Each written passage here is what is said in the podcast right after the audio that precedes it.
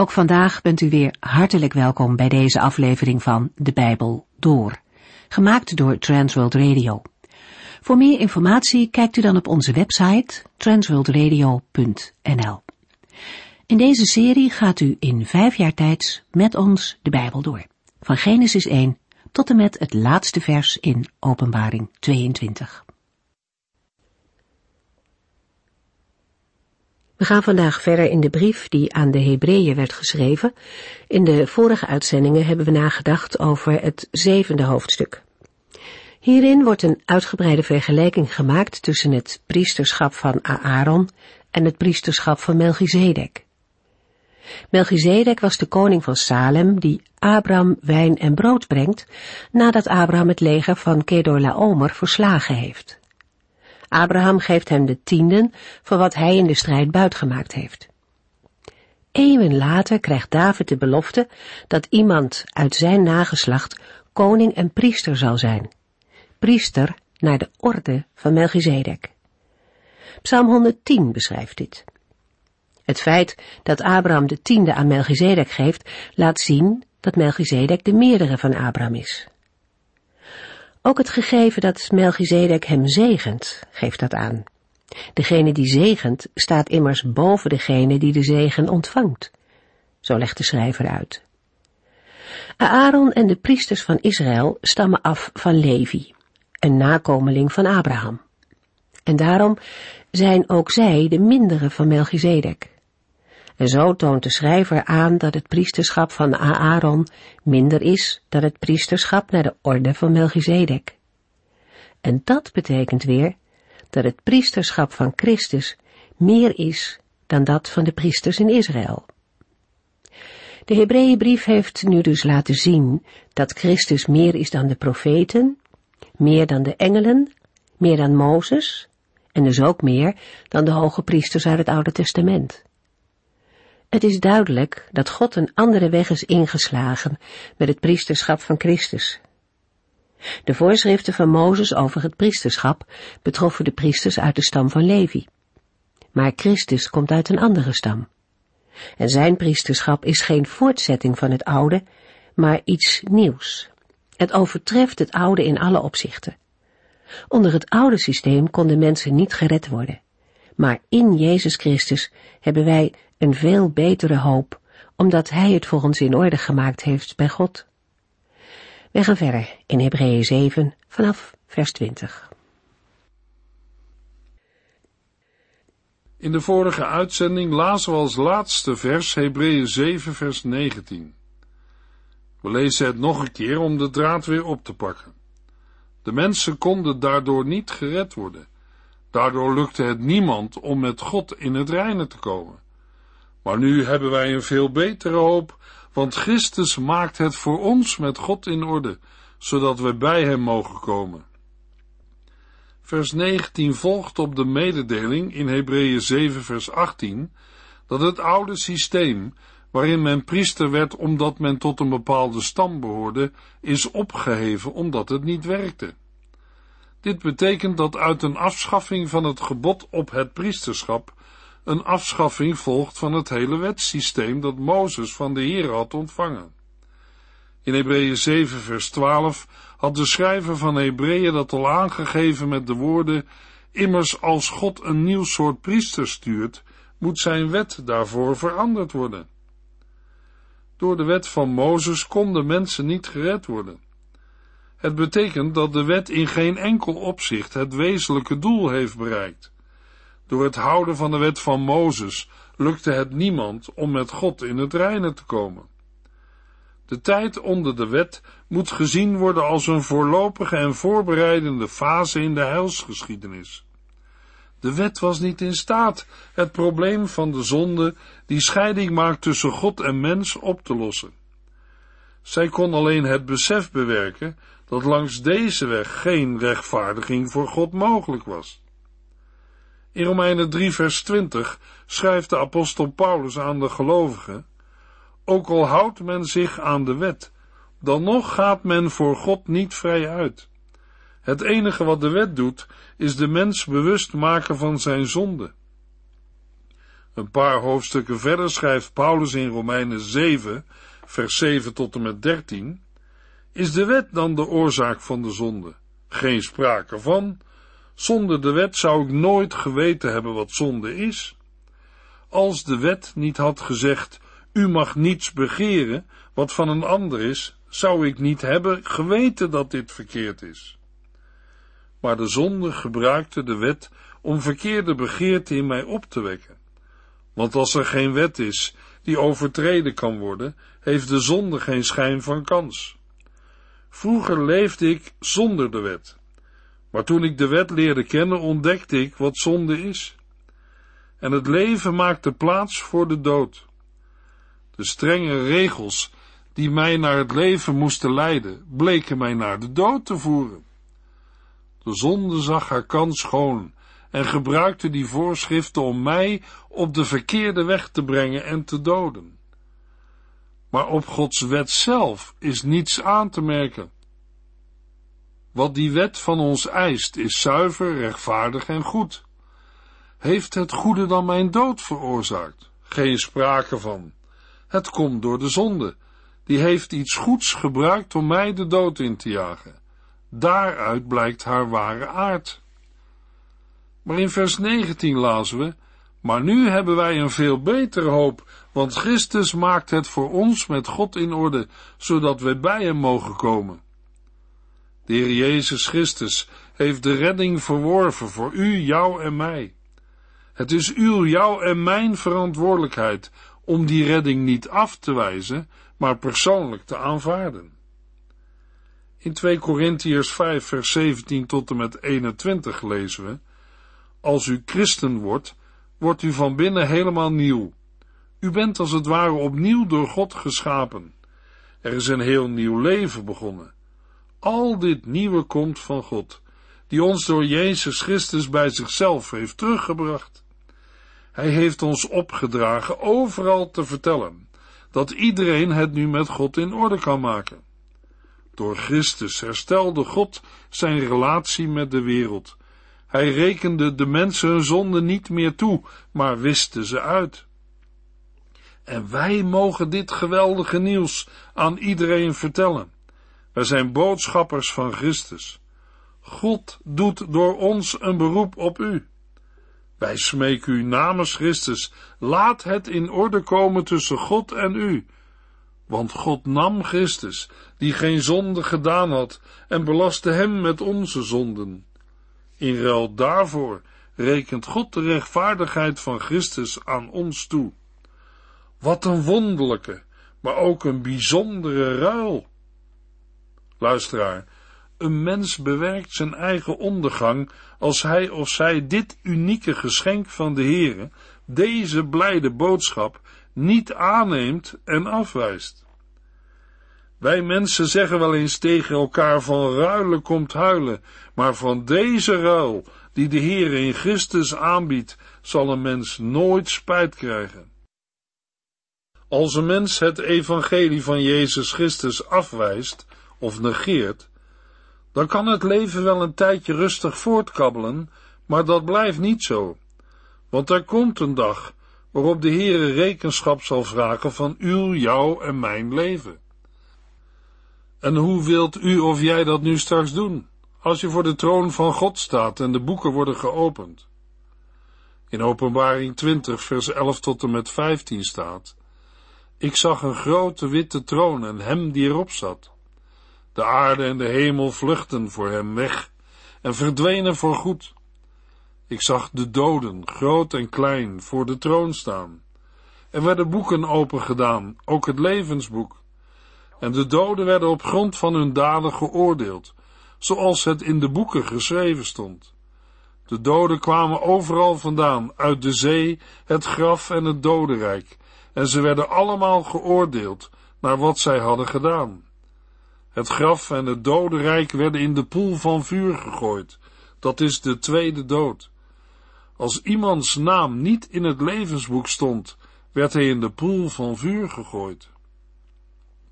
Luisteraar, er is maar één persoon die namen in het levensboek kan schrijven, en dat is Jezus Christus, God zelf.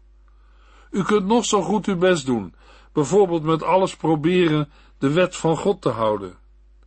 Maar als u het evangelie van Jezus Christus negeert en zijn verlossing niet persoonlijk aanneemt, komt het tussen u en de Heere niet in orde. Dan staat u straks voor de troon van God met lege handen en is er niemand die het voor u opneemt. Dan wacht de tweede dood. Want als iemands naam niet in het levensboek stond, werd hij in de poel van vuur gegooid. Mijn gebed voor u is dat dit niet met u of met jou zal gebeuren. Vlucht tot de eeuwige hoge priester Jezus Christus. Hij wil het voor u en jou opnemen en je naam in zijn boek schrijven als je zijn verlossingswerk persoonlijk aanvaardt. Hebreeën 7 vers 20 en 21 God zwoer dat Christus altijd priester zou zijn, wat hij nooit van andere priesters heeft gezegd. Alleen tegen Christus zei hij, de Heere heeft een eed afgelegd en zal er nooit van terugkomen. U bent de eeuwige priester. De instelling van het priesterschap naar de orde van Melchizedek ging gepaard met een eed van God. Het priesterschap voor het huis van Aaron berustte alleen op toezeggingen van Gods kant.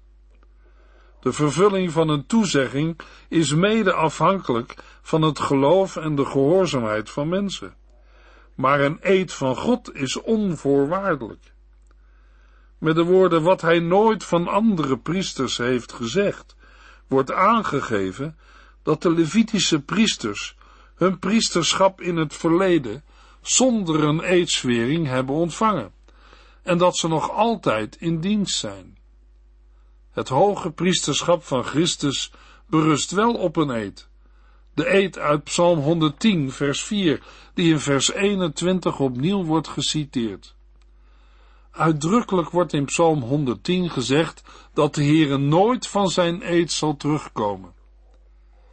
Er zijn in de Bijbel situaties aan te wijzen waarin de Heere wel berouw kreeg en terugkwam op zijn woorden, maar dan was het van een toezegging, een belofte of handelwijze. Dat deed de Heere dan niet omdat hij veranderlijk is, maar vanwege het ongeloof en de ongehoorzaamheid van de mensen. In zulke situaties vervult de Heere zijn woorden op een andere manier, op een later tijdstip, of aan andere mensen die wel geloven. Uit Hebreeën 6 blijkt dat de eed van God onherroepelijk is en niet meer mede afhankelijk van menselijk geloof. Maar zowel de eed aan Abraham als de eed in Psalm 110 vers 4 vindt zijn vervulling in de Zoon van God, Jezus Christus, die gehoorzaam was tot de dood aan het kruis. Alleen Hij is waardig om deze beloften te ontvangen. Hij is de eeuwige priester. Hebreeën 7 vers 22 Daarom werd Jezus Christus het onderpand van dit nieuwe, betere verbond. De vergelijking van vers 20 met vers 22 gaat als volgt. Omdat het priesterschap van Jezus Christus op een veel beter fundament berust dan het Levitische priesterschap, is er nu ook in Christus een nieuw en beter verbond. Een verbond waarvan Jezus Christus borg en onderpand is geworden. Bij het nieuwe priesterschap van Jezus Christus hoort ook een nieuw verbond. Dit verbond is beter, omdat het op betere beloften steunt en omdat het volkomen verzoening tussen God en mens bewerkt en eeuwig van kracht blijft. Jezus is de borg en de middelaar van dit betere verbond. Het woord borg stamt uit de rechtspraak. De borg staat garant voor de uitvoering van een overeenkomst of contract. Door de borg kunnen de gelovigen met vertrouwen naderen tot God de Vader. In hem ligt de garantie voor de gelovigen dat ook zij de heerlijkheid zullen ontvangen. Hebreeën 7 vers 23 Onder het oude verbond moesten er heel veel priesters zijn. Als een oude priester stierf, nam een jongere zijn taak over. Het betere van het hoge priesterschap van Jezus Christus blijkt nog eens uit het feit dat hij voor altijd blijft. Terwijl het Levitische hoge priesterschap van generatie op generatie overgaat.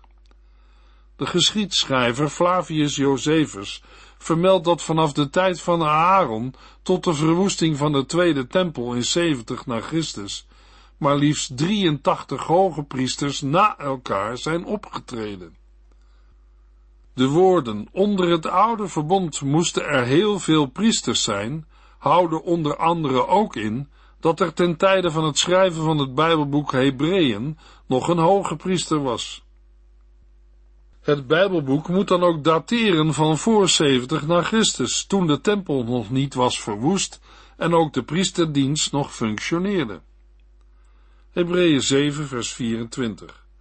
Maar Jezus leeft voor altijd en blijft voorgoed priester, zodat er niemand anders nodig is. Met de woorden, maar Jezus leeft voor altijd, stelt de schrijver van Hebreeën Jezus Christus tegenover de Levitische priesters. Hij blijft voorgoed priester, zodat er niemand anders nodig is. Hebreeën 7 vers 25 Hij kan iedereen die door hem naar God gaat, van de ondergang redden. Omdat hij altijd zal blijven leven, zal hij er altijd zijn om onze belangen bij God te behartigen. Vanwege het feit dat Jezus Christus voor eeuwig hoge priester is, kan hij de gelovigen voor altijd van de ondergang redden. Met redden wordt zowel het redden van de zonde en haar gevolgen bedoeld, als ook het ontvangen van de eeuwige zaligheid. Voor de woorden die door hem naar God gaat, staat in het Grieks, die door hem tot God komen of naderen. Dit komen of naderen wordt onder andere gebruikt voor het naderen van de priesters tot God, om de offerdienst te verrichten. Nu kan iedereen door hem, Jezus Christus, tot God naderen. Een gelovige mag door zijn of haar geloofsverbondenheid met de Heer Jezus Christus vrijmoedig naderen tot de troon van genade.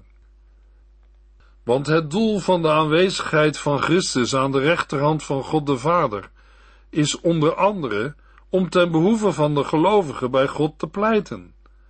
Dat Hij voor ons opkomt en ons verdedigt bij de Vader. Toen de Heer Jezus nog op aarde was, deed Hij al voorbeden voor de gelovigen. Daarbij gaat het er niet om dat Jezus Christus de Vader van mening doet veranderen, maar dat Hij de verzoening van de zonden, die Hij zelf aan het kruis bewerkte, van toepassing maakt op de zonden van de gelovigen, zodat zij vrijmoedig tot de Vader kunnen gaan om hulp te verkrijgen, juist in die ogenblikken dat zij het moeilijk hebben. Luisteraar, wij mensen denken vaak dat God ons heeft verlaten, maar het is andersom. Wij hebben de Heere verlaten en van nature luisteren wij niet naar zijn woorden en raadgevingen. Dat zouden wij mensen beter wel kunnen doen, want de deur naar Gods troon staat open. Jezus zelf zegt, ik ben de deur en wie door mij binnenkomt zal gered worden. Wij zijn niet altijd trouw, maar dat kunnen wij van de Heere niet zeggen.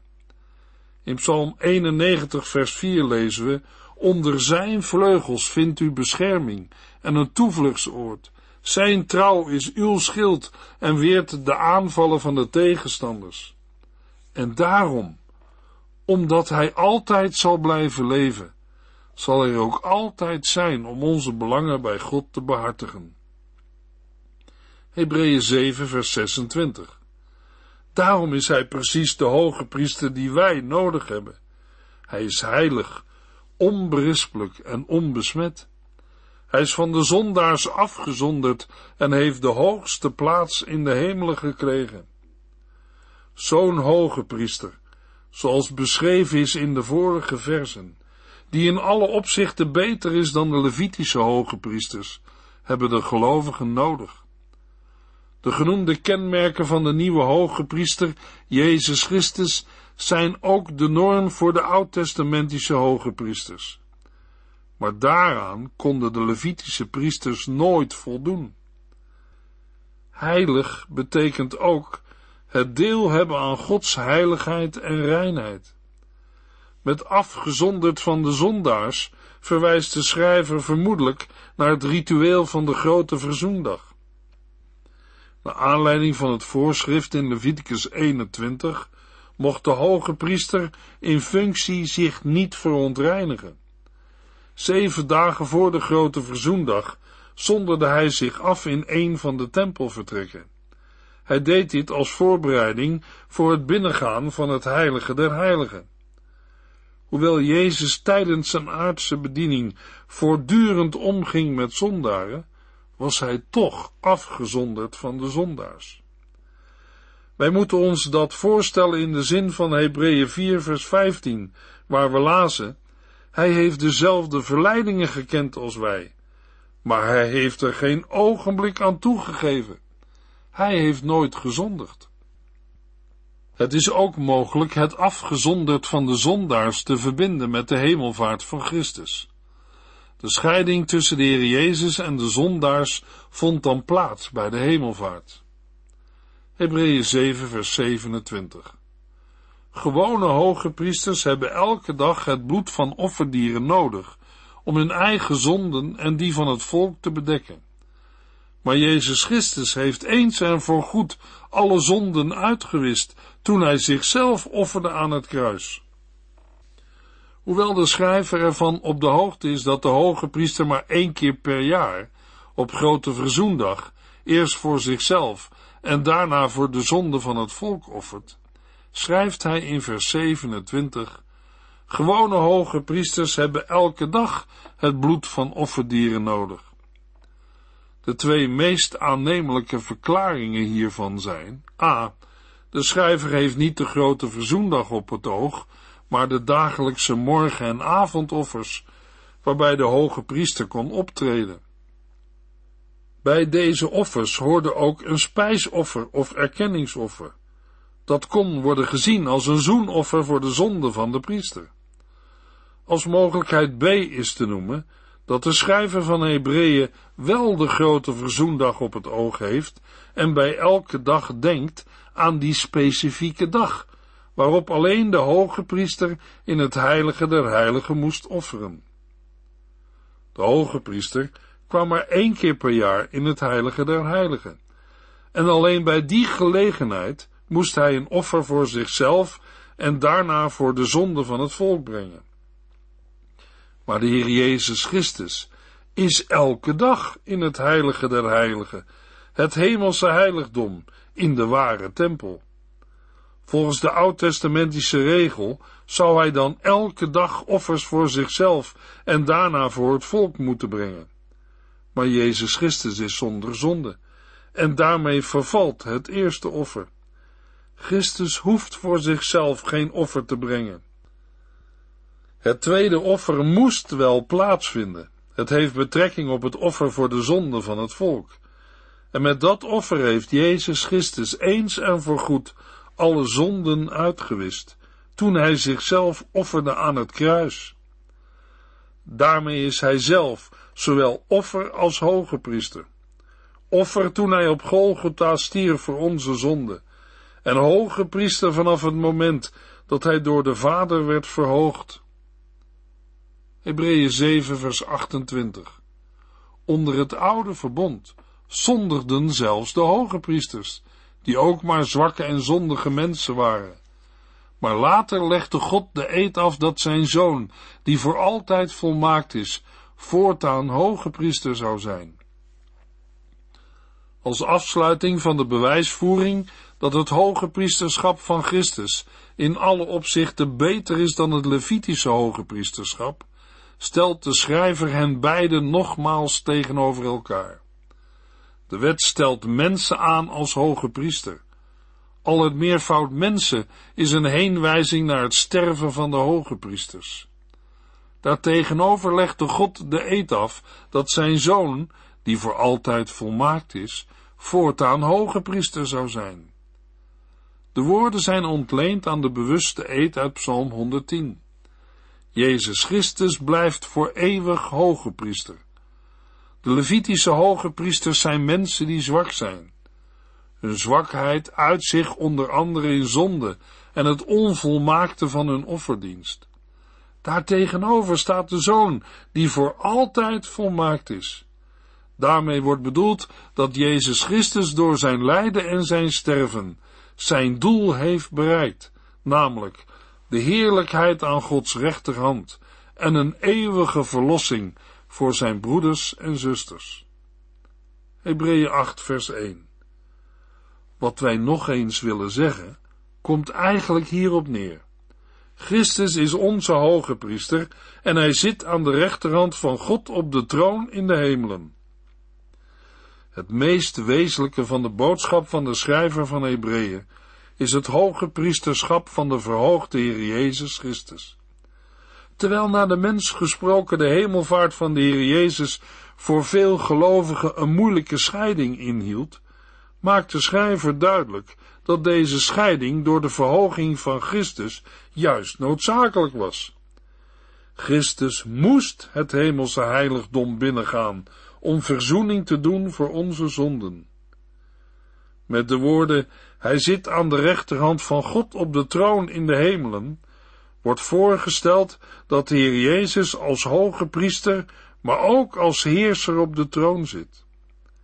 In de hemelen is in vers 1 de plaats van Gods troon.